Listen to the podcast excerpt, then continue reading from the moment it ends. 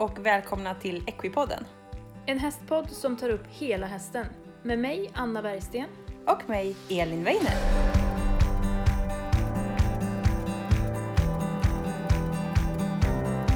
Hej och välkomna till ett nytt avsnitt av Equipodden och då vill jag välkomna Yvonne Ekelund. Hej! Hej! Tack så mycket! Välkommen till Equipodden. Gud vad kul att du vill vara med i våran podd. Tack snälla! Vad roligt det ska bli. Och om man presenterar dig lite då. Du är ju bland annat ska jag säga, för du har väldigt mycket meriter här, men bland annat så är du A-tränare i distansritt. Ja, det stämmer. Och du är också um, tränare för juniorlandslaget. Japp. Och du rider själv. Och jag rider själv ja. Yes. Och ni föder upp hästar också, eller hur? Ja, lite mer innan. Nu, idag, eller, nu har det varit i lite mindre skala ja. ska jag vara helt ärlig erkänna. eh, eh, men till nästa år så hoppas vi att vi ska få lite följ i alla fall. Ja, vad kul! Mm. Ja, jättehäftigt och kul att du vill vara med. Jag träffade ju dig på en distanstävling som jag råkade svänga förbi i Floby i våras. Och då pratade vi ja, lite grann och eh, jag tyckte det var så intressant. Jag tyckte det var så häftigt med distansritt så då tänkte jag så här, det här, det här ska vi göra ett avsnitt om. Och då mm. vill ju du ställa upp. Ja. Och eh, du har ju hållit på med distansritt i väldigt länge. Det har jag läst. Ja. Eh, jag behöver inte säga något årtal men ja. Tävling. Ja, förlåt. Jag red min första tävling 93 eh, faktiskt. Ja. ja. Så det är några år sedan. Mm. Och därefter har det blivit jättemånga landskamper, VM och EM och otroligt många mästerskap. Och rätt många medaljer mm. också, eller hur? Ja, det har blivit några medaljer och en hel del med. Vad är du mest stolt för med dina meriter? Ja, alltså jag, jag är stolt för att förra året genomförde jag en eh, tävling eller en clear round med min då 26-åriga arabhäst som passerade 5000 tävlingskilometer. Han hade alltså gått Oj. 500 mil. Oj. Och är nu den häst i Sverige som har gjort mest tävlingskilometer. Wow. Och det visar ju också på hur hållbara de kan bli om man bara är rädd om dem. Ja, verkligen. Eh, sen är jag självklart också väldigt stolt för min VM-medalj i lag mm. eh, från 2000. Mm. Eh, det är Sveriges hittills enda VM-medalj men jag hoppas wow. att det kommer mer. Ja, det får vi hoppas. Precis. Ja, de är duktiga tjejerna nu som rider så det ska nog, det är nog inte långt borta förrän vi har en VM-medalj till här i Sverige. Mm. Ja, för ni var iväg väldigt eh, nyligt här med juniorlandslaget. Var det i Pisa ni var i? Mm, stämmer. Just vi det. var nere i Pisa och eh, det var VM för ungdomar upp till 21. Ja. Eh, så Sverige hade ett lag eh, med jätteduktiga ungdomar och vi kom åtta i lagtävlingen i VM. Wow, grattis! Ja, tack! Ja, jag är jättestolt över tjejerna, de var helt fantastiska. Eh, laget bestod, eller bestod, egentligen består ett lag av fem ekipage. Mm. Eh, varav man räknar de tre bästa. Okej. Okay. Nu hade vi bara tre ekipage. Vi var fyra nominerade men en häst fick tyvärr eh, feber och fick inte kunna följa med. Så vi var bara tre som reste ner. Vilket gjorde att, att eh, vi var ju rätt sårbara. Vi var ju tvungna att få in alla tre i mål ja, för verkligen. att få ett lagresultat. Och på en sån här stor tävling så kanske, nu var det kanske vi säger att det var 60% som genomförde med godkänt resultat. Vilket mm. gör att vi skulle egentligen om man räknar statistiskt skulle vi ju ha en skulle åtminstone vara utesluten. Ja just det. Men det var de inte. Så de, var, de kom i mål alla tre, de var hundraprocentiga så de knep en åttonde plats faktiskt. Så det är wow. jag över. Vilken merit, vad kul! Mm. Mm. Häftigt! Mm. Hur gör ni när ni tränar i landslaget? För jag har förstått att ni är utspridda över hela Sverige, eller hur? Ja men det stämmer. Eh, vi, har, vi hade en ryttare som bor nere i Skåne. Eh, vi har en ryttare som tränar och rider upp i Östersund, eller utanför Östersund. Eh, och sen lite mitt på Stockholm och Växjö och lite sådana saker. Så att de, är, de är utspridda över hela Sverige. Och har ju väldigt olika förutsättningar. Alltså, eftersom vi tränar mycket i terräng så är det ju också att förutsättningarna blir ju också väldigt olika om du har en väldigt backig terräng där du rider. Eller om det är väldigt platt. Alltså det, det blir ju också sådana saker som man får ta med sig i sin träning när man tänker på hur man ska träna. Mm. Vad jag har för förutsättningar.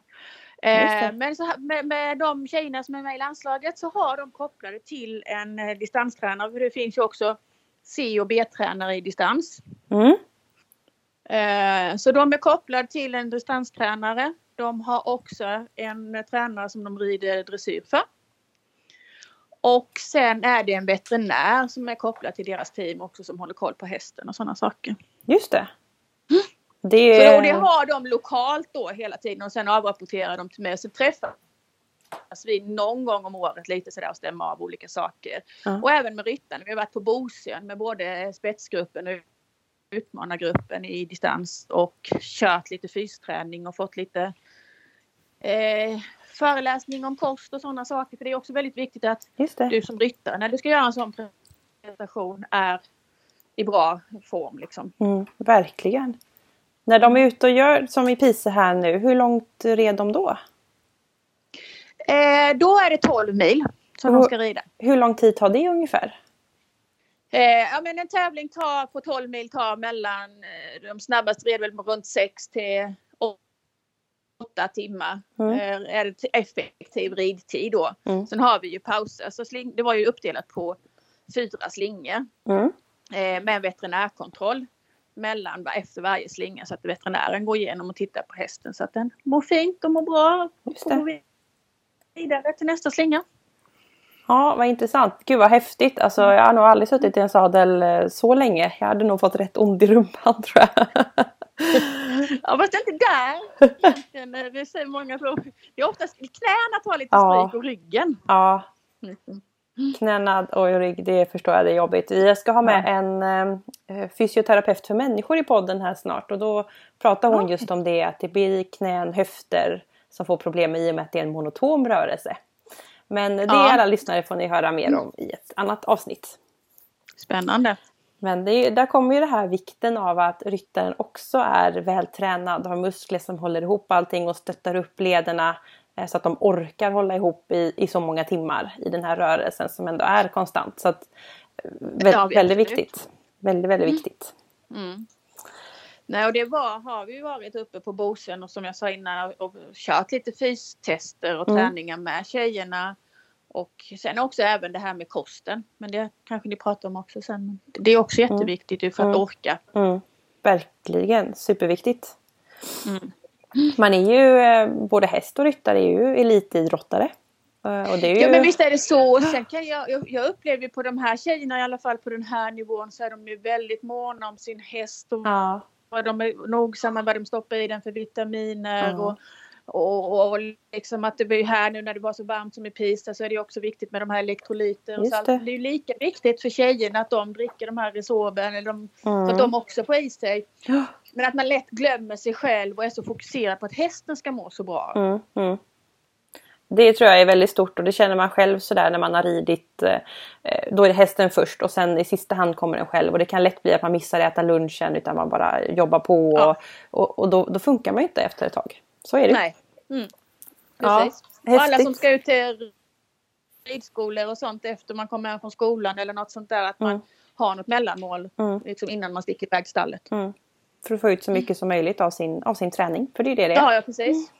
Fysisk aktivitet. Ja, jag gillar det. Jag gillar träning. Jag tycker det är jätteviktigt. Och eh, intresserar mig mycket för muskler och kost och sådär. Så att ja, bra att trycka på det här också. Ja, det hänger ju ihop också lite. Verkligen. Precis som du säger det. Att du, jag menar det är lätt att du blir irriterad kanske på hästen om den inte gör som du vill exakt. Mm. Det blir bara en dålig timing och spiral liksom neråt. Mm. Och då kanske bara handlar om att du har lågt blodsocker.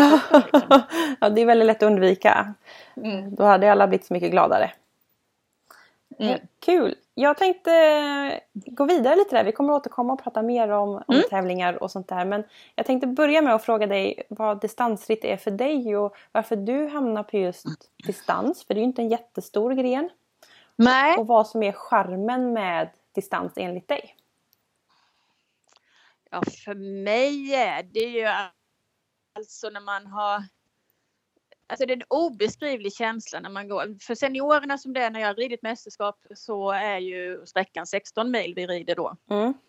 Eh, men sen självklart när man, alltså det är ju inget sånt man börjar med utan man rider ju 5, 8 och 12 och sådana här sträckor innan. Men just när man har tränat en häst och man går över mållinjen efter en sån prestation tillsammans med hästen och sen att man är ett team runt. Inte, jag och hästen skulle inte klara det om det inte fanns det här teamet runt oss Mm. som hjälper oss Mm. hela tiden. Mm.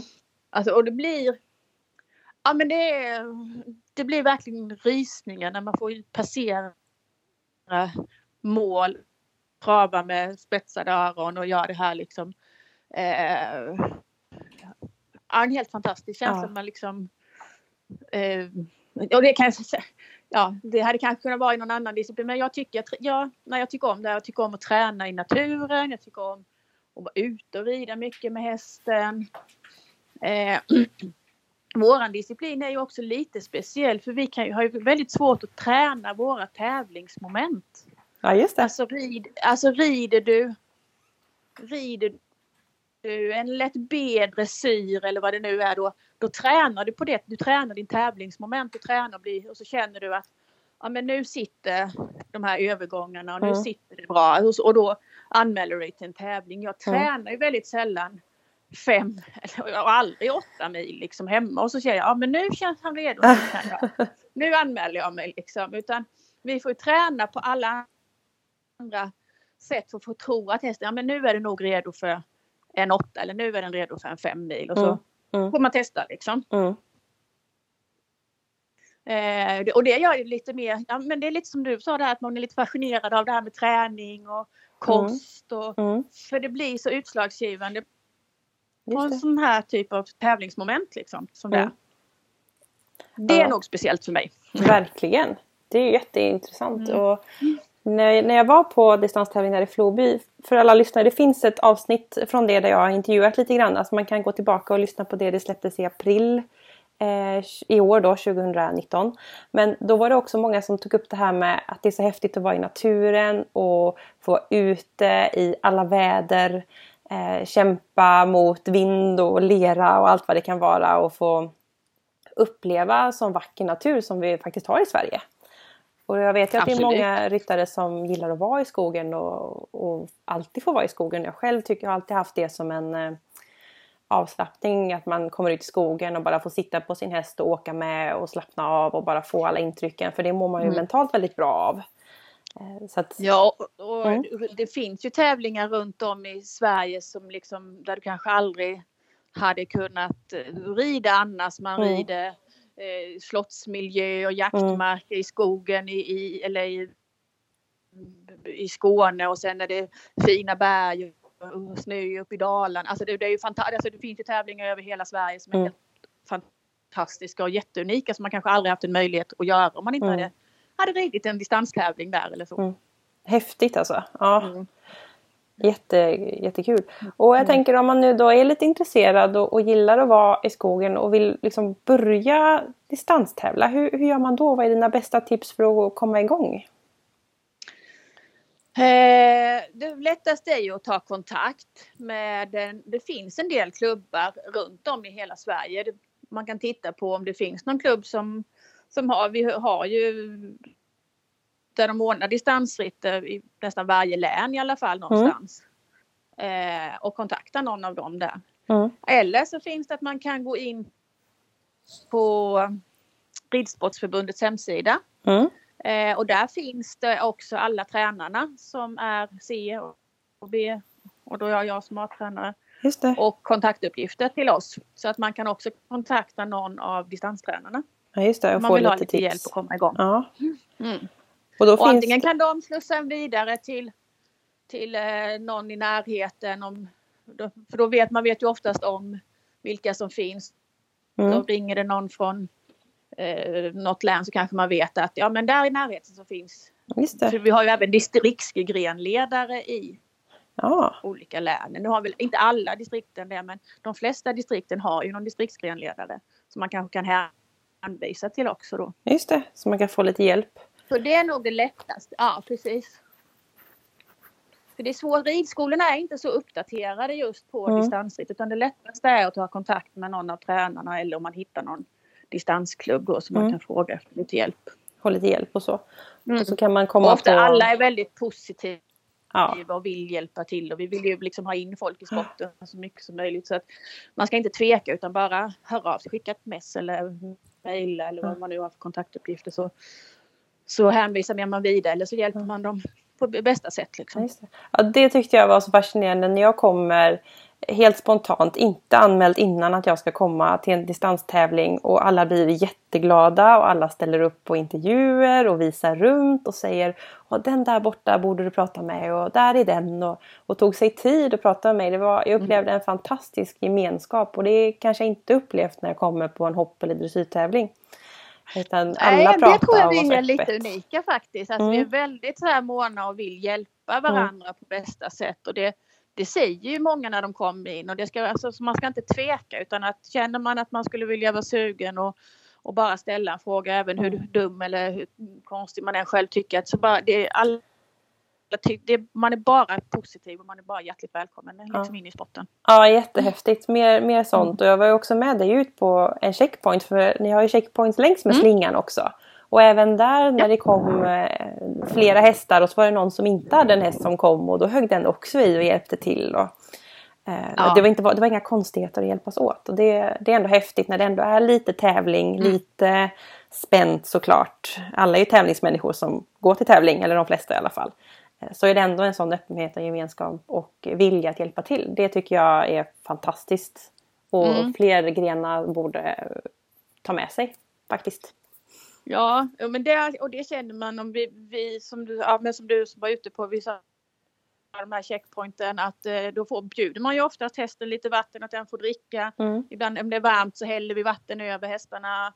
Eh, man själv får något att dricka och skulle det Mm. vara så att det kan ju vara Ja, men den, du, din, dina medhjälpare och Goom, de kanske har kört vilse. Det är inte Mm. alltid så lätt att bara hitta i alla de här och då ko- kommer man dit och så har man ingen och det är inget tvekan utan men jag kan få, kan jag få lite vatten, kan min häst få dricka lite. ja. Självklart har det, alltså det, då ställer man upp liksom. Så det, det, det är fantastiskt Mm. faktiskt måste jag säga. Och så jag förstår eh, att man fastnar lite i sporten när man väl kommit in. Det är ju jättekul. Så fler, lyssnar ni på det här och är intresserade så hör av er och testa. Det finns prov och på-tävlingar har jag förstått och man bara kan testa och alla är välkomna. Eller hur? Ja, absolut. Eh, precis, och då är det oftast med lite information om hur det går till och eh, alltså det är lite mer som lite, lite utbildning liksom, Mm. men man får ändå prova på att rida en kortare sträcka. Och, Mm. eh, och det handlar ju om att, att man, man, man skrittar och man travar och lite galopp kanske eller sådär. Det behöver inte gå så fort utan, och det tar ingen tid utan det är, det är liksom mer som en clear round i, ja, i hoppning. Antingen, Ja. alltså felfri, alltså du rider en sträcka på en minimitid eller eller en maxtid. Så att, Mm. och den är väl tilltagen så att Mm. man kan rida länge. Så att alla kan hänga med. Vad kul!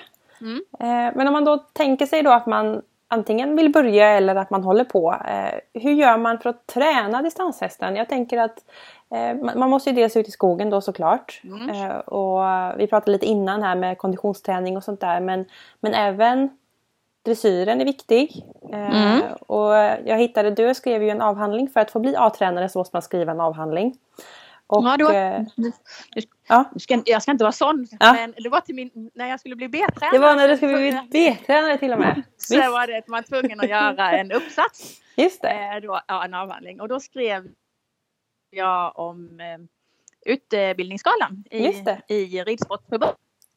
Mm. Just det, och att även distanshästen behöver den. Ja. Men om man bara börjar liksom och tänker så här, hur, hur gör man för att träna distanshästen? Vad, vad är viktigt och hur ska man tänka? Jag brukar se det när jag är ute och föreläser och sånt så brukar jag prata om att som är som en pyramid. Mm. Att eh, längst ner i botten som grund så har vi den här hållbarhetsträningen. Mm. Eh, och, där, och det tar sin lite tid. Det kan ta liksom mellan två och tre år att träna upp. Nu menar jag inte att man måste träna bara hållbarhet i två, tre år, men man ska ha det i bakhuvudet när man tränar att liksom man ska vara försiktig med för höga farter. Mm. Eh, innan man då börjar, man tar det lite lugnt. Så då, då är det hållbarhet och då tränar man leder och ligament och skelettet och allting så här för att det ska hålla och det gör man i rätt låg fart Mm. och kanske länge, långt och länge. Man är ute. Skritt är en väldigt underskattad träningsform. Mm. Det pratar vi mycket då- om i podden. Ja. Muskulärt och så. Ja. Ja. Eh, skritt är en jättebra träningsform men det är ju också att man är ute under längre period och skrittar hästen på vari- och att det är varierande underlag. Alltså det är Mm. inte farligt att vara på asfalt också. För det enda sättet att stärka skelettet lite på det är faktiskt att utsätta det för lite stress och att skritta Mm. Mm. på asfalt. Och eh, skogsvägar, stigar, lär liksom över lite stock och sten så den lär sig balansen i kroppen och lite sådana saker. Mm. Eh, och, sen, och trava och sådana där saker. Men i grunden så är det liksom hållbarhetsträningen och den gör du med långsamma träningspass under längre perioder. Mm. Mm. Eh, Alltså du, du, du kanske du, du skrittar inte 30 minuter utan ska du skritta så skrittar du två timmar liksom. Just det. Ja.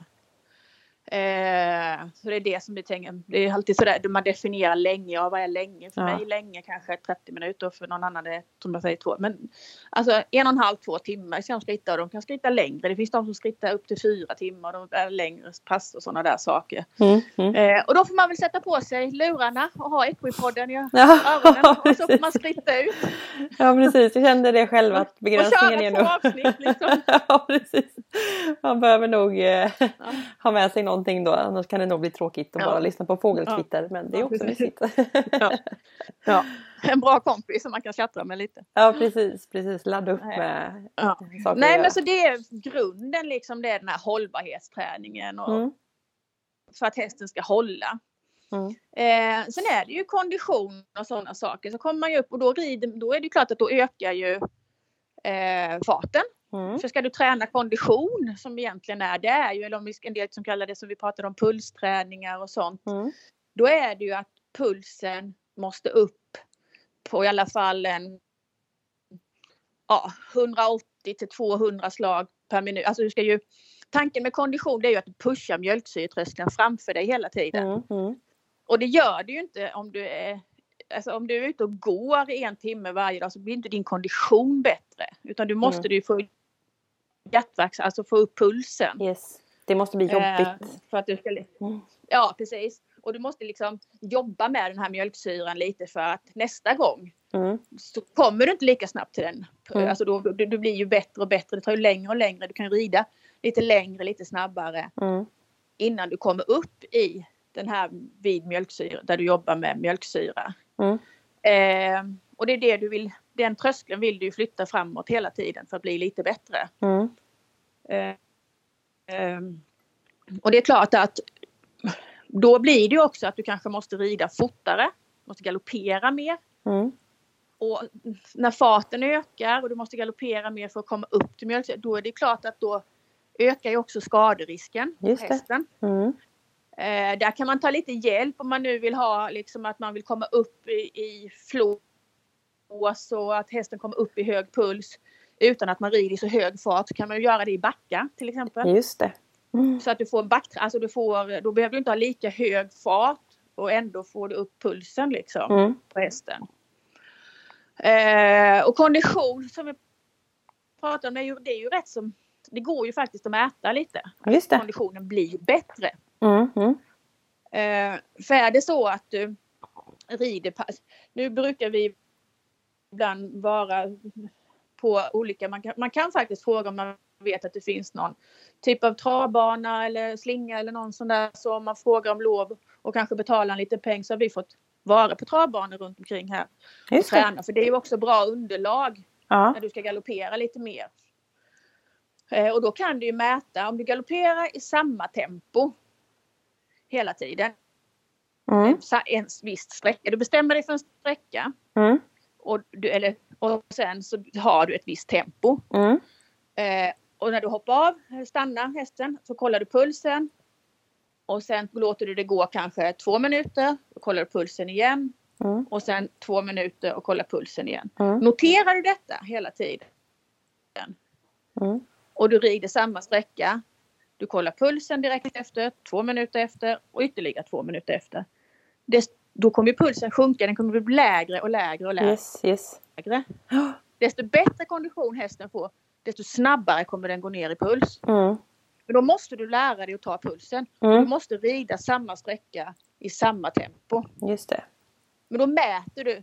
Då ökar du inte konditionen men då mäter du att din konditionsträning har gett effekt. Just det. Det är ett testtillfälle kan man säga det som. Precis. Precis. Mm. Och det finns ju pulsmätare så du kan rida med pulsmätare. Mm. Så att Det har jag ja, sett. Man sätter ett Mm. band eh, runt eh, lite bakom sadeljorden, eller hur? Eller, Ja, precis. och så har precis. man en klocka på armen. Mm. Och nu finns det ju många... Alltså, det viktigaste som jag säger till mina elever det är också att man dokumenterar. Du har en, Mm. du har en träningsschema som Mm. du tänker att du, du ska följa. Du, har kanske, du gör en tävlingsplanering. De här Mm. tävlingarna vill jag rida, det här vill jag göra. Mm. Eh, och sen så lägger du ett schema efter hur du ska träna hästen. Mm. Eh, sen alla som håller på med hästar vet ju att det blir inte som det står i schemat. Det, är också, det är väldigt viktigt att man verkligen skriver ner vad blev det och vad gjorde jag? Mm. Mm. Och det är många gånger när man är ute och rider. Vi säger att man rider bara en timme. Om vi rider ut här i den byn som jag bor i. Om vi rider ut så, ja, men så möter man någon bil så bryter man av och sen Mm. kommer det, står det någon lastbil och håller på att Mm. lasta av eller på en traktor eller något. Och, Mm. så bryter man av och skrittar förbi och så galopperar man och sen kommer det några barn som leker. Och så så att oftast om du verkligen tittar på vad du rider Mm. under en timmes ridning så kanske du bara galopperat fyra, fem, tio minuter. Ja, just det. För man, bry- man kanske tar några galopper men det är väldigt lätt att man bryter av. Det blir inte så Mm. mycket av det Mm. egentligen. Mm. Så därför är det viktigt att man verkligen dokumenterar vad är det jag gör. Just det. oftast tror man ju att man gör någonting annat. Och då finns det olika appar Just det. eh, som du kan ha när du rider. Som du verkligen ser vilka hastigheter har jag ridit i, när red jag det och det går också kopplat till en pulsmätare. Okej, vad här apparna. häftigt. Och då kan du ju spara, ja. Och då kan du ju spara den dokumentationen sen. Ja. Så du kan ju gå tillbaka förra året. Då Ja, gick hästen skitbra. Vad var det jag gjorde då? just det. Vad är skillnaden mot nu när det inte gick så bra Ja. till exempel? Eller att Precis. det går bättre nu, vad har jag ändrat och sånt där. Ja. Nej, men sånt Så det är är väldigt viktigt att man dokumenterar det man gör Mm, liksom mm. hela tiden. Och sen är vi lite beroende av underlag. Mm. Alltså, jag som bor då i södra Sverige eh, får ju kanske inte så mycket snö utan våra vägar kan ju bli väldigt isiga och hårda. Och då går det inte alltid. Det Nej. kan vara sådär att man, nej, man tänker att ja, men idag skulle jag vilja galoppera i alla fall en kvart. Mm. Men har jag en isväg liksom, ja, men då får jag hellre avstå från det. Alltså, även om det är brodd och det funkar så, så, så är ju, den är väldigt hård. Då får man Mm. vara försiktig Mm. med sånt. Tänk. Så att man får ju anpassa, även om man har en plan så får man ju anpassa det till hur det blev och dokumentera vad det Mm. verkligen blev. Mm. Verkligen, jätteintressant. Och jag vet själv också, jag har alltid dokumenterat mycket. Jag har skrivit alltid dagbok och sånt. Och, och det Mm. här är ju en liten rolig parentes men när man, jag hittade sån här dagbok från när jag red in en av mina unghästar. Ja. Och då var det så roligt att läsa de passen, vad jag var nöjd med då och vad hände och hur kändes det jämfört med några år senare när vi var och tävlade på en helt annan nivå. Alltså Ja. sånt är också väldigt roligt att man får inblick i vad man har gjort och hur man tänkte då och hur man själv har utvecklats och hur ekipaget har utvecklats. Eh, Ja men visst är det så Mm. vad man har lärt sig under tiden så man kanske, precis som du säger, man tar fram och tittar vad man gjorde med sina hä- förra hästar liksom för länge sedan. Så bara, Nu har man kanske har man ett annat tänk och har fått andra kunskap och inblick och insikt. Mm. Liksom. Mm. Så att det, ja, men det är jättebra. Och det, och det är jättebra att liksom dokumentera vad man, oavsett vilken disciplin man håller på med så tror jag att det är viktigt att man dokumenterar sin Mm. Mm. träning. Så om man sammanfattar, pulsträning handlar mycket om att bara mäta och, och man tränar och sen så testar man och ser liksom hur ändrar sig pulsen när man har stannat från en viss sträcka så man ser att den går ner fortare och då har man lyckats Precis. med sin konditionsträning. Så desto snabbare pulsen sjunker under samma tidsintervall. Mm. Eh, om, du har, om du har gjort, gjort samma påfrestning på hästen, den har gjort samma sträcka, den har gjort samma eh, tempo mm. eh, och pulsen eh, sjunker snabbare, då har konditionen ökat ju. Mm. mm. Precis. Och då kan man ju, då kan man ju titta, då kan man titta tillbaka, vad gjorde jag för kondition? Då kanske man kan börja öka på sina konditionspass så att det blir ännu bättre. Mm, mm. Alltså då ska man inte ligga kvar i samma kondition utan då kanske man ökar på eh, och galoppera. För det är lättare att galoppera. Vi har ju sådär att vi galopperar kanske just då man är på travbanan och så som det är bra underlag. Mm. Så inför olika tävlingar så har nu ska man också tänka på träningslite så det är ju en balansgång här emellan att träna. Just det. Alltså det är inte den som tränar mest som vinner utan det är den som tränar bäst. Ja precis, gäller att vara smart. ja. Eh, så att det, då kan man ju ligga och göra galopppass på kanske en 40 minuter liksom. Och, och sen då kan man ju, och då ser man då att pulsen sjunker. Mm. Ja, men då får man ju öka på. Så nästa gång kanske vi galopperar 45 minuter. Alltså man tar mm. successivt öka sina konditionspass också. Mm. Liksom. Och hur ser ett bra konditionspass ehm, ut? viktigt. Ja, nu avbröt jag dig. Fortsätt där. Ja, det är ingen fara. Eh, jag funderar. Nej, men för jag tänkte att här är det också viktigt då att du har den här pyramidhållbarheten och sen kommer konditionen lite över och den går lite snabbare att träna upp. Just det. Eh, den tar inte så, ja, så det kan ju vara så att konditionen på hästen ökar rätt så snabbt. Mm. Vilket gör att du kanske kan rida den rätt så fort. Men du har inte den hållbara biten längst ner, den liksom stora biten. Mm, mm. Och då är det ju lätt att hästen fortfarande går sönder liksom. Så det är därför det. man ska vara försiktig med fart. Ja. För hög fart liksom. Väldigt intressant. På människor förbättras konditionen eh, inom två dygn efter att man har sprungit. Då har man fler eh, röda blodkroppar eh, i blodet som har med syreupptagning och sånt att göra.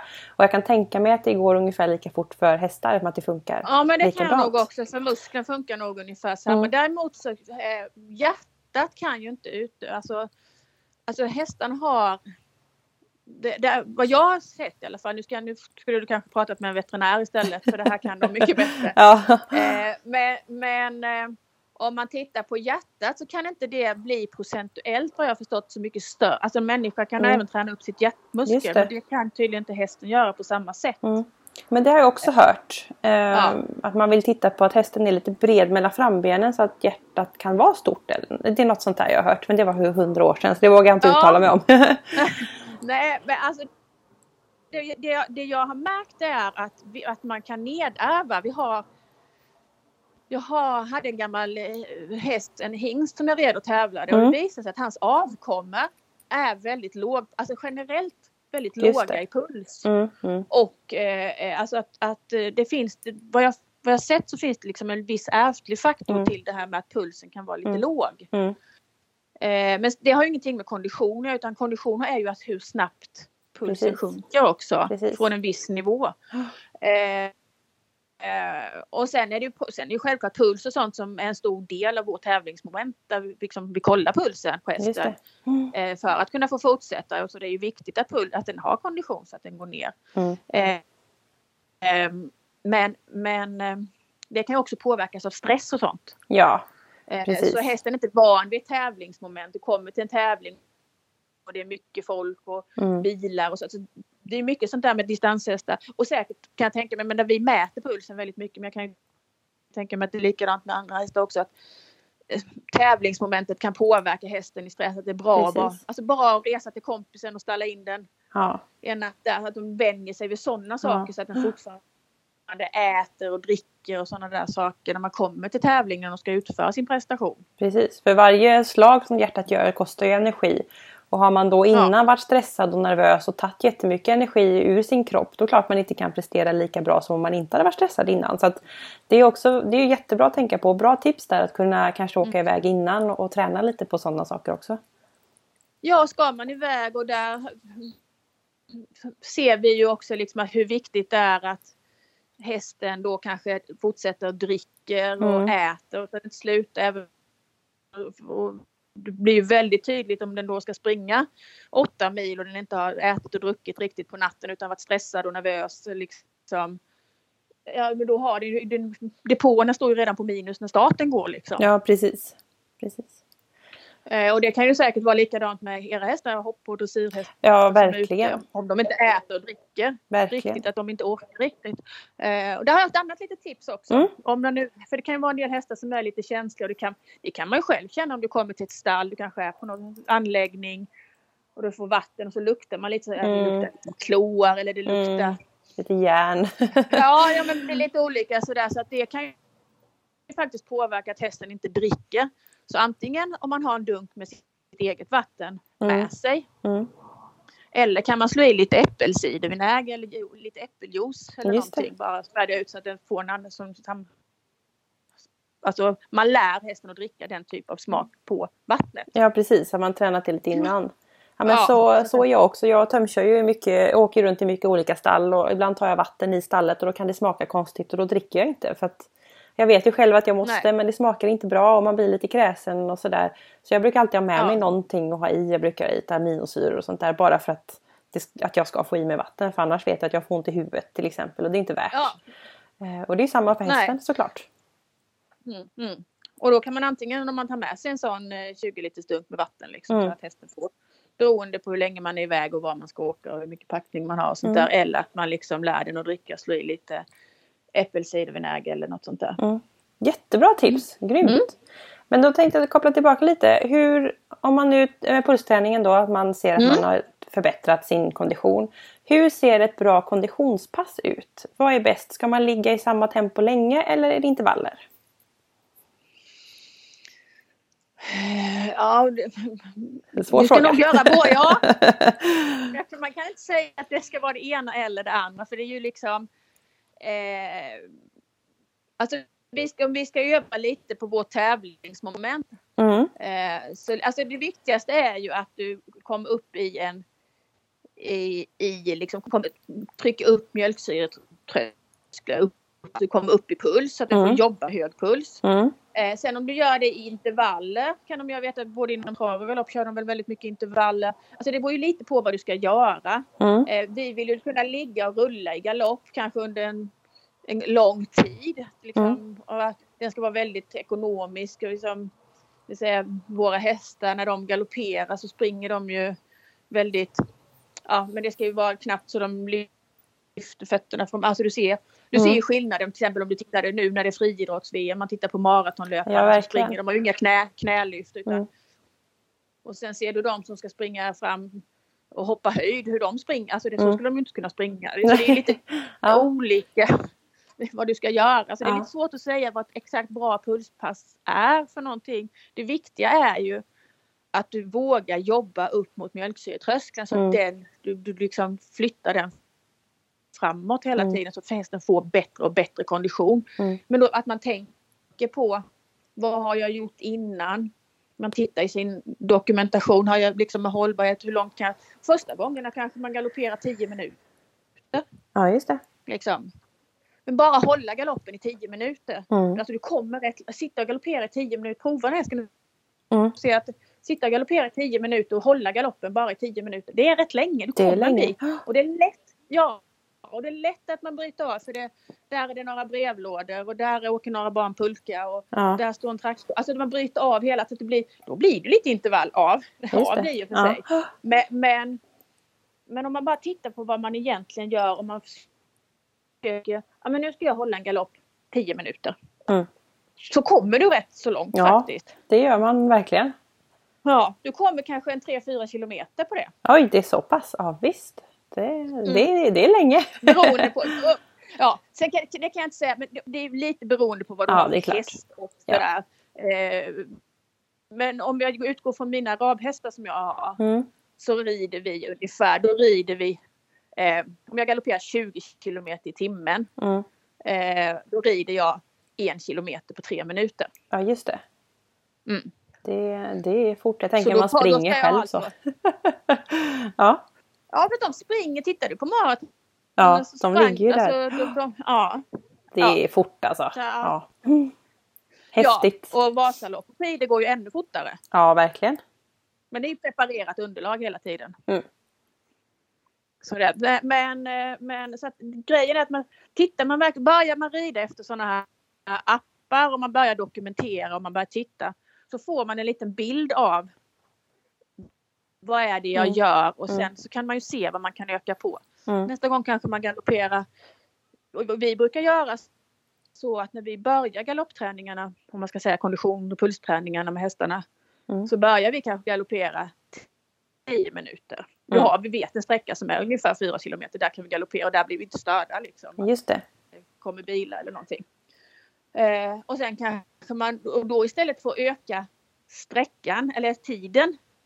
Mm. Att vi galopperar 20 minuter så ökar vi istället att vi gör det två gånger. Just Så att det. de får en vila emellan. Mm. Och sen kan man öka och sen gör vi att vi galopperar 20 minuter. Mm. Alltså, och sen ökar man på att man kanske galopperar eh, tre gånger 10 minuter. Mm. Och sen ökar man på att man galopperar 30 minuter. Så att man delar upp det lite. Mm. Mm. Eh, så har vi gjort med hästarna som jag har tävlat här hemma i alla fall. Eller som Mm. tävlas här hemifrån. Sen är det väldigt olika. Eh, en del galopperar väldigt länge. Eh, men det är lite vad har du gjort innan. Det är viktigt Mm. vad du har gjort för träning innan. Mm. Mm. Precis. Och de här verkt- apparna är ju jättebra verktyg. Eh, och se vad, hur länge Mm. galopperar jag egentligen? Det är Ja. svårt att uppskatta annars. Ja, säger jag av egen erfarenhet. Mm. Ja men det är det och, Ja. och oftast tror man ju att ja, men vi var ute och galopperade. Ja fast där fick vi ju bryta av för där sprittade vi och där fick vi ju Mm. bryta av för där var det folk som plockade kantareller. Ja, och där, alltså det blir, det blir väldigt mycket så där, Mm. som man verkligen så därför är det jättebra att titta på det. Mm. Och hur var man egentligen. Jättebra Eh, tips. Och sen, men sen att man har i alltså tänka på det. Hållbarhetsträningen i botten och sen successivt öka Mm. och mäta pulsen Mm. på hästen. Då Mm. kanske du galopperar den här sträckan och mäter upp 4 kilometer. Mm. Och, då, och då kan du också se när du har en app, vilken kilometerhastighet har jag? För nu, vi mäter ju kilometer i timmen när vi rider ute. Mm. Inte me- meter per sekund, jag tror äter de väl på, på hoppningen. Ja. Och då, så utan här är det ju kilometer i timme och då kan du, det kan du se på din app så att du har samma fart. Och då Precis. kan du ta pulsen. Och sen när du har testen, ja men nu, nu, bör, nu har den svarat på den här konditionsträningen. Ja men då ökar du och galopperar två gånger eller tre gånger fem minuter kanske du börjar Mm. med då. Mm. Mm. Och sen nästa gång säger den, "Ja, nu har den svarat jättebra på detta. Då ökar vi till två gånger tio. Mm. Och sen alltså så, successivt att man ökar där hela tiden. Precis. För Precis. att minimera skadorna på hästen. Och det är ju för att alltså hästen inte ska bli skadad. Ja. Och samtidigt konditionen ska ökas. Viktig grund. Mm. Och sen är det ju det, precis som du var inne på, vi pratade innan det här med min eh, avhandling där som B-tränare Mm. med eh, dressyren som vi pratade om. Mm. Och det här är ju eh, mina elever kanske ibland blir så här, oh nej det kan vi inte och de tycker att det är så svårt. Det här är ju dressyr på väldigt, alltså det är inte så att det är briar liksom. Nej. Det är verkligen basic basic om man tittar på den här utbildningsskalan. Men det är ju för att hästen ska bli hållbar, att man Ja. förstår att hästen, och det är liksom hålla takten, hästen ska vara lösgjord, Mm. eh, rakriktad. Mm. Och det är ju just för att få en hållbar häst. Mm. Så det, så att, och, det, och, och även att vi, det finns ju faktiskt också en liten utbildning för ryttaren att den sitter rakt, Precis. rätt timing Ja. lite sådana saker. Jätteviktigt. Så det, mm. så det är mycket sådana här små, som jag så inledde här lite med att ja, vi har ju svårt att träna vårt tävlingsmoment utan vi får ju träna på lite alla möjliga olika saker för att komma dit. Men det är också det som är så fascinerande och Mm. så roligt. Mm. Och när du väl har lyckats och du rider över mållinjen och du känner att hästen har krafter kvar och är pigg. Alltså då då reser håren sig i nacken Ja. på dig. Alltså jag lovar det. Hur coolt som helst. Ja, vilket team med, med själva hästen. Ja. Det måste ju vara jätte, jättehäftigt. Mm. Ja, det är verkligen jättekul. Så då har ni grunden med att ni, om jag bara sammanfattar lite, med Mm. en hållbarhet som tar lång tid att bygga upp.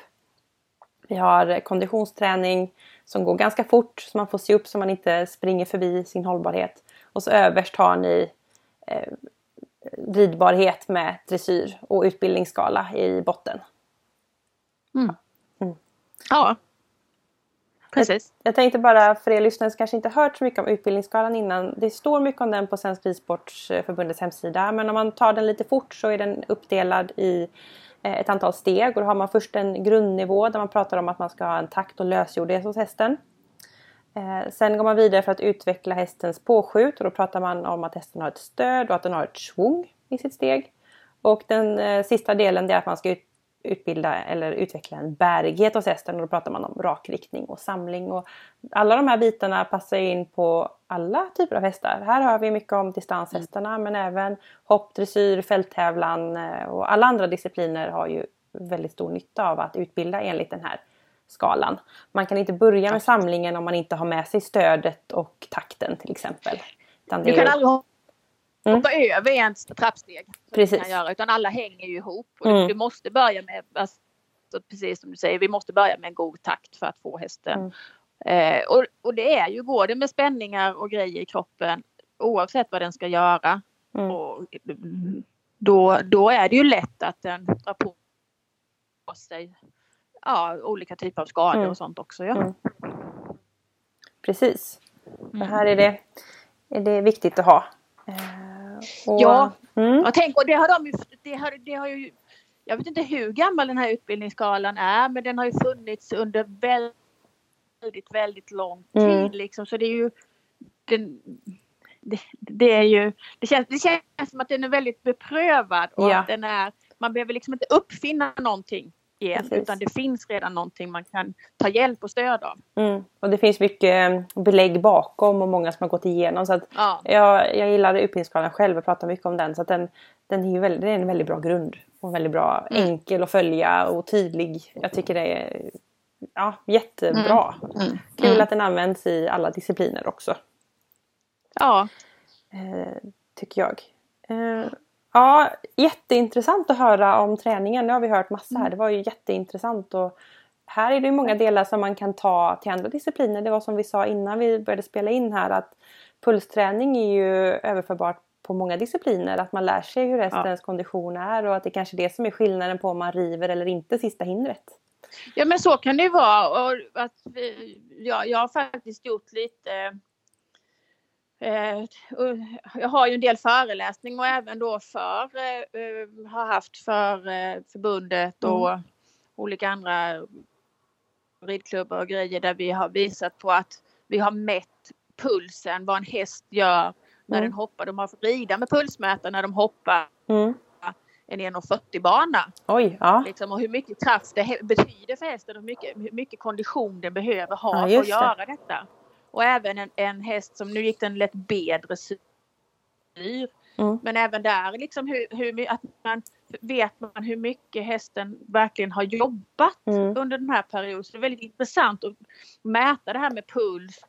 Och du kan få ut väldigt mycket av Mm. din träning. Mm. Om du kan, och bara att man vet hur tar jag puls? Vad har min häst i vilopuls? Mm. Mm. Det är ju också jätteviktigt att veta faktiskt. Ja. Lika viktigt som du vet vad hästen har i temp ja, just det. så ska du kunna ta. Och egentligen är det inte, alltså, man behöver inte gå och köpa dyra. Självklart ska du rida en bana eller ska du göra någonting då behöver du en pulsmätare på hästen. Mm. Eh, men annars så finns det med ett vanligt stetoskop som Just finns det. att köpa på apotek eller Ja. via nätet eller någonting. Eh, är ju, ska ju finnas i varje stall så man kan mäta sin e- puls. För det, Mm. det kan ju vara så att hästen har en begynnande hovböld eller något. Just det. Då kan du få högre för att en smärtpuls. Just det. Eh, det kan vara så att hästen känns lite konstig. Ja, men då kan du lika väl som att du tar tempen på hästen så ska du kunna ta pulsen på hästen. Och så Precis. vet mm, om den mår bra eller inte. Ja. Jag gillar det här med vad är det egentligen vi kräver av hästen? Vad krävs det av hästen att göra den här banan eller det här programmet i dressyr? Mm. Vad, vad ställer jag egentligen för krav? Vad är hästen redo för Mm. det här? Och hur mycket måste den anstränga sig för Mm. att göra det vi ber den om? Det är, Mm. det är faktiskt Mm. rätt viktiga saker. Ja, och den här hästen som vi mätte nu som hoppade 1,40 den var uppe vid mjölksyretröskeln Ja. flera gånger. Alltså, Det är tufft. eh, nu hade man ju inte bakgrunden, man skulle ju ha, man skulle vilja följa dem under en längre tid där man kunde liksom sett, eh, nu mätte vi bara vid ett tillfälle eller så, men det hade varit kul att följa sen och se när man tränade kondition, ändrade sig hästen Mm. eh, då i sin hoppning och lite sådana där saker. Och Mm. även resultat. Hur blir? Som du var inne på där. Att, ja, men det är kanske är lätt att man blir lite trött. Man orkar inte Mm. riktigt den där sista omhoppningsbanan. För Mm. Man har inte den konditionen. Eller man orkar inte göra den där snygga samlingen piaffen Mm. eller vad det nu kan Mm. vara. För man har inte kondition. Precis, det kommer in taktfel och man stannar upp Mm. och sånt där eh, för att man inte är riktigt förberedd. Och det är ju jättesvårt att veta om man inte tar pulsen känner jag. Eh, Ja. Faktiskt. Det här, ja, det här var, det är en ny värld för mig. Jag har aldrig pulstränat eh, faktiskt. Eller så. så det här är ju verkligen någonting som jag ska ta med mig. Ja, och testa. Och det, det, ja, och det gör vi. Alltså, så det är inte bara det att jag har, utan många gånger så är det att jag har haft elever som man konditionstränar som gör en helt annan disciplin. Mm. Att vi kör konditionsträningen Mm. Eh, på en dressyrhäst fast Mm. den tävlar i dressyr men den, den gör ju också konditionsträning då att man Precis. förstår helheten. Ja, att man får hjälp med det. Mm. Mm. Det är också ett jättebra tips ju att man kan ta nytta av olika discipliners specialiteter. För det är ändå, på konditionsträning är ändå Mm. det som ni är riktigt bra på. Som håller på med distans. Ja. Och då är det klart att fler discipliner ska utnyttja det för alla behöver ju konditionen. Faktiskt. Och vi behöver lite hjälp när vi ska rida våra dressyr. Som jag sa innan Mm. så kopplar vi gärna en dressyrtränare. Mm. För det är också viktigt, ska du sitta som vi pratade om kanske 7-8 timmar i sadeln. Så självklart blir du trött men Ja. då ska jag åtminstone ha en utgångsläge där du är rak. Där Precis. du som ryttare sitter rak. Annars är det ju lätt att du kanske, ja men du, du tröttar ut. Det liksom blir du hängande åt höger eller vänster Mm. så belastar det ju rätt mycket som kan belastas då. Du Yes. kanske tröttar ut det där vänster frambenet som gör att den inte travar 100 rent och du får fullfölja. Mm.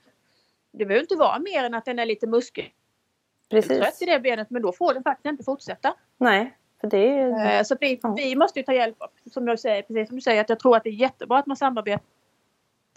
eh, För vi behöver varandra liksom. Mm. Gud vad intressant. Ja, jätte, jättekul. Mm. Ja, häftigt. Mm. Så, eh, vi tänkte ta ett lite nytt ämne här nu, eller ska vi byta ämne lite granna? Och, eh, då tänkte jag leda in dig lite Yvonne på att ibland skrivs det lite negativa saker kring distansritten och ibland kan det vara lite negativ klang eh, med olika saker. Eh, Mm. Ett exempel kan vara doping eller hållbarhet och, och lite sånt. Vad, har- vad har du för tankar Mm. och, och hur går jargongen inom, inom sporten med de här sakerna? Eh, nej men det är klart att eh, alltså det, det, är ju, det är inget att sticka under stolen med utan vi har ett problem. Eh, eh, och det tror jag att man har problem. Vi är nog inte de enda discipliner som kanske har problem. Nej. Det är klart att den synliggörs väldigt mycket och att det blir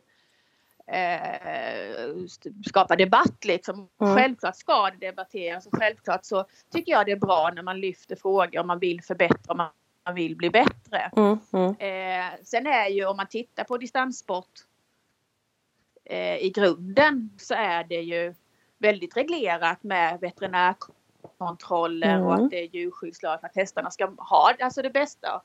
Sen är det inte alltid det följs liksom.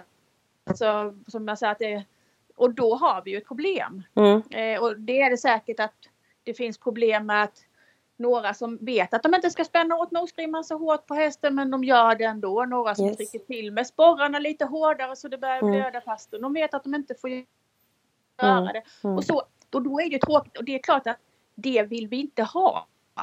Mm. Eh, vi vill ju ha våran sport eh, så fin som möjligt precis som, som, som den egentligen är och ska upplevas. Som vi har Precis. pratat om hela tiden när vi inleder med att rida i naturen. Ett samspel mellan häst och ryttare Mm. eh, och allt det här. Men jag vet ju att det jobbas inom FI för att komma till rätta med problem som finns. Mm. Eh, men oftast, det jag upplever när man har varit ute så är det att om man bara följer de regler som är satta. Mm.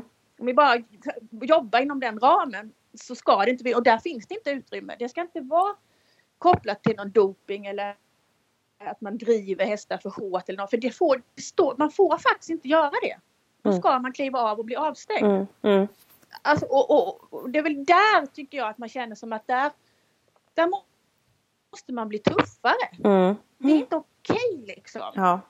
Då får inte du vara med. Om inte, om inte du kan spela efter de här spelreglerna får faktiskt inte du vara med.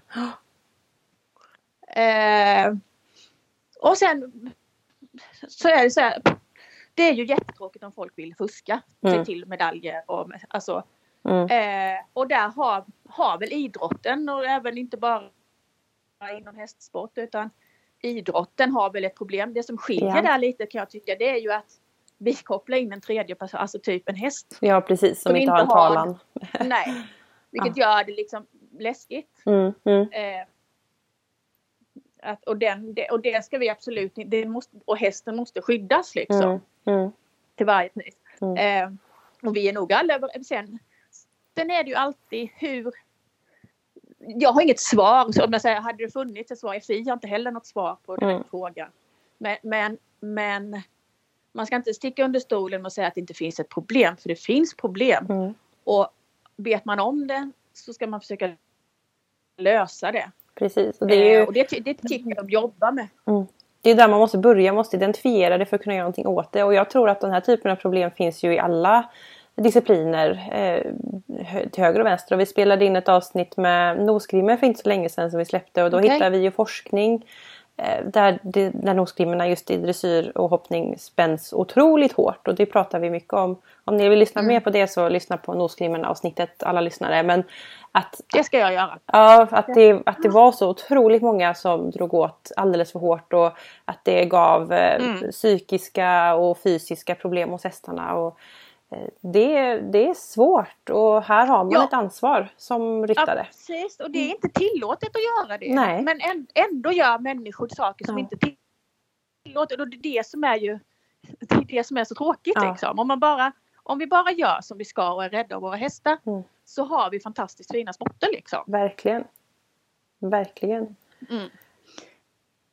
Eh, sen är det ju alltså det här, det som vi kanske har eh, mer som blir inom distanssporten det är ju det här som vi pratade om att man kan bli utesluten. Mm, Du blir utesluten för hälta. just det. Det kan ju låta lite sådär att Jaha, men det är inte det att hästen måste åka kanske och behandlas. Mm. Eller att den fått någon skada eller något sånt där. Utan det kan ju faktiskt vara att eh, ja men den regnade kallt. Mm. Den muskelstel. Mm. Alltså du vet själv när du Mm. kommer in och väldigt kanske varm i muskeln. Du står och väntar lite på att pulsen ska komma ner Mm. för att den är lite för hög. Mm. Och när du springer sen så, så är du stel. Mm. Och Mm. det räcker med att du får lite liniment och en varm filt och lite sådana grejer och så funkar det igen. Liksom. Precis, precis. Eh, så att det ser, där ser det ju lite ut som att, som jag inledningsvis sa också, att det var 60% av dem som, som eh, Just det. Som eh, startar. kom i mål Mm. i PIS. Mm. Ja, i PIS, i PIS på såna, på, självklart på lägre sträckor så är det ju högre procenttal som kom i mål. Mm. Eh, men vi säger som ett VM då i PISA där nere så var det 60 och det var ändå rätt så högt. Ja, just det. Eh, men då ska kanske man jämföra det med på ett VM hur många river. För det är ju samma sak, Mm. alltså det är lite samma sak där. Precis. Eh, ja, Den här att gränsen, där- liksom. Mm. Mm. Och det är ju veterinären som har sen skyldigheten och har den befogenheten. Mm. Att säga att nej, nu är den här hästen och den har ju massa kontroller. Den kollar liksom, lyssnar på så att tarmljudet, det bubblar i magen, den kollar så att den inte är uttorkad. Mm. Den, alltså den har ett väldigt stort eh, protokoll att följa om man tittar Mm. hur hästen, och följer man det och det visar minsta tecken på att Mm. hästen inte Mm. har en avvikelse. Mm. Då ska den inte fortsätta. Men det Mm. betyder inte att hästen inte utan det kan, alltså, den, kan, den kan vara hyfsat okej. liksom, även om den är den kanske är lite trött. Eller Ja. precis som jag sa innan, man kanske har suttit lite snett. Precis. Belastat ena frambenet Ja. hela tiden. Ja. Och då när den ska springa upp så visar den på sådana. Och det är klart att då blir det lite när man inte är riktigt insatt och hör att ja, men hästen är utesluten. Mm. Att det kan låta lite, lite tufft liksom. Just det. Att den har gått och blivit skadad för att det har varit för hög belastning fast det är egentligen Ja, inte det det handlar ja. Nej. Ja. Nej, det är bara att titta på sig själv. Alltså, när jag har varit ute och sprungit och så går man lite och så kanske man sätter sig och sen ska man gå till duschen och då bara wow! Då haltar man iväg några steg för att man har blivit stel. Ja, precis. Eh, Ja, och lite sådana där grejer Mm. kan det ju faktiskt. Alltså, och många gånger är det ju liksom att hästarna efter lite, de är muskeltrötta och Ja. det, det kan ju vara så att man kanske har ridit och lite, li- alltså den hade inte den konditionen och du red Mm. lite fortare. Ja, då blev den lite muskel. Den fick mjölksyra i, i bakdelen och då, Mm. liksom, Mm. och då springer den inte hundra hundra. Och då ser ju veterinär, det kanske inte är så att vi själva ens ser det, men de, då har man duktiga veterinärer det. på plats och kolla. Så Mm. att så man ser, nej men den här hästen får inte fortsätta längre. Mm. Ja, nej, är det. det är ju en gedigen kontroll på, på distanshästarna för det är ju veterinärkontroller flera gånger under samma lopp eller vad man ska säga. Och det, är ju, Ja. Det har man ju Och inte även alls i i är så. Eh, eller dressyren. Eh, och vi har ju faktiskt så att även i mål, så det kan ju vara så att du vinner tävlingen. Mm. Men går inte hästen igenom besiktningen och är fit to continue som det egentligen ska säga. Mm. Alltså den ska kunna vara så, sånt skick så att den skulle kunna gå lite till. Mm. Eh, så får du inte fortsätta. Nej. Eller då är du inte godkänd. Då, då vann du inte Jag har, ändå. kommit, jag, kommit, nej, jag har ridit 16 mil, kom tvåa på ett SM Ja. och min häst var halt på ett Nej. framben när vi kom till mål. Ah. Och så visade det sig att det stuckit in en liten sten Nej. under skon. Oj. Liksom mellan skon, hästskon och hoven Ja. låg det en liten sten och tryckte. Ja. Alltså det är klart att ja, men jag vill inte heller springa med en sten i skon. Nej, vill man inte. Liksom. Eh, och då, fick, då blev inte jag godkänd. Jag hade Mm. ridit hela dagen de här 16 milen. Mm. Så tufft är det. Ja. Och han ska inte vara godkänd för han var inte helt hundra ren på framleden. Men när vi tog av skon så hade han fått en sån blås och vi hittade stenen. Mm. Gud, tråkigt. Men Ja. det är som du säger, för, gör, gör man rätt eller går det rätt och sen klart otur och sånt. Det var ju otur att det hamnade in en sten, Mm. det kan man ju aldrig skydda sig ifrån. Men gör man sin läxa, gör sin grund, eh, spelar reglerna, då, då ska det gå bra. Och gör man Ja. det inte, då ska man inte vara där. Så är det. Nej, nej precis. Precis. Mm. Så att eh, nej, jag tycker att det är en fantastisk sport egentligen. Som, som vi pratade lite, borde ju ligga rätt lite i tiden här nu Mm. med alla Mm. eh, utmaningar folk Precis. vill göra genom att åka Vasalopp och springa maraton. Och jag sa det, jag vet inte om det är bara mina kompisar på Facebook men jag ser många som ska klättra över staket och rulla runt i gyttja och hänga i lianer och grejer. Så att jag tänker att människan vill ju utmana sig hela tiden och det Ja. här är ju en ultimat utmaning att kunna göra med sin häst. Mm. Och du kan ju göra det för att genomföra, alltså bara genomföra och ha ridit de här åtta milen. Ja. Du behöver inte vinna, det är inte det. Utan du kan rida för att bara genomföra Mm. den här prestationen. För så är det ju många som åker Vasaloppet. Ja. Det kan man ju inte vinna liksom. Det... 10 procent. Nej. Som tror att de ska vinna. De Ja. flesta tror absolut att de ska vinna. Ja, precis. Utan man gör det för att utmana sig. Ja. Och det tycker jag kan man liksom prova med sina häst. Liksom. Mm. Och, och man, på, vä- på vägen får du också en väldigt sund och frisk tänk om hästen och du Mm. lär dig, precis som vi pratade om hållbarhet, kondition, du lär dig väldigt mycket om din häst på Mm. vägen. Ja, jag tror också det ligger mycket i tiden och det är mycket hinderlopp hit och dit och man ska ner i leran och tjurhus och grejer. Och, och här är det ju lite också så här, det, är, Ja. det är lite utmaning. Det kan regna, då får man eh, köra på ändå. Eh, och Ja. det är klart man kan gå ner något surhål säkerligen. Men det är ju en utmaning och det är ju fantastiskt att få göra det ihop med, med sin häst. Och när vi Mm. har lyssnat här på, på ert tänk med, eller ditt tänk med hållbarheten och att, att det är så lång tid ut och skritta. Det, det kan jag säga själv att det har inte jag gjort så bra innan. Så. Men nu ska jag göra det. och pulsträning och all nytta och att, att man ändå har Mm. liksom med sig det och, och testar och gör en sån här sak. Lär sig ännu mer kring tänket här och tar med sig det in i sin disciplin sen. Det är ju guld värt. Då har man ju ett stort kliv framåt mot om man tävlar kanske många konkurrenter och då, det kan vara det som avgör att man blir lite bättre i, i sin gren också. Ja, absolut. Och du lär dig på vägen som du säger, lär känna hästen. Eh, Du har hela tiden som du säger dokumenterat hur Mm. mycket har jag galopperat, hur fort och hur Mm. länge, hur mycket travade, hur länge var jag ute och skrittade. Mm. Och Nej, nej, jag tror också att det ja, vi har nytta av att lära av varandra hela Mm. tiden. Då blir vi bara bättre. Ja. Och så in med Equipodden i lurarna och ut och rid. Och så taggar ni oss eh, inlägg så får vi reposta så att fler kommer ut i skogen och upplever en sån här fantastisk eh, sport och prestation att göra med sin häst.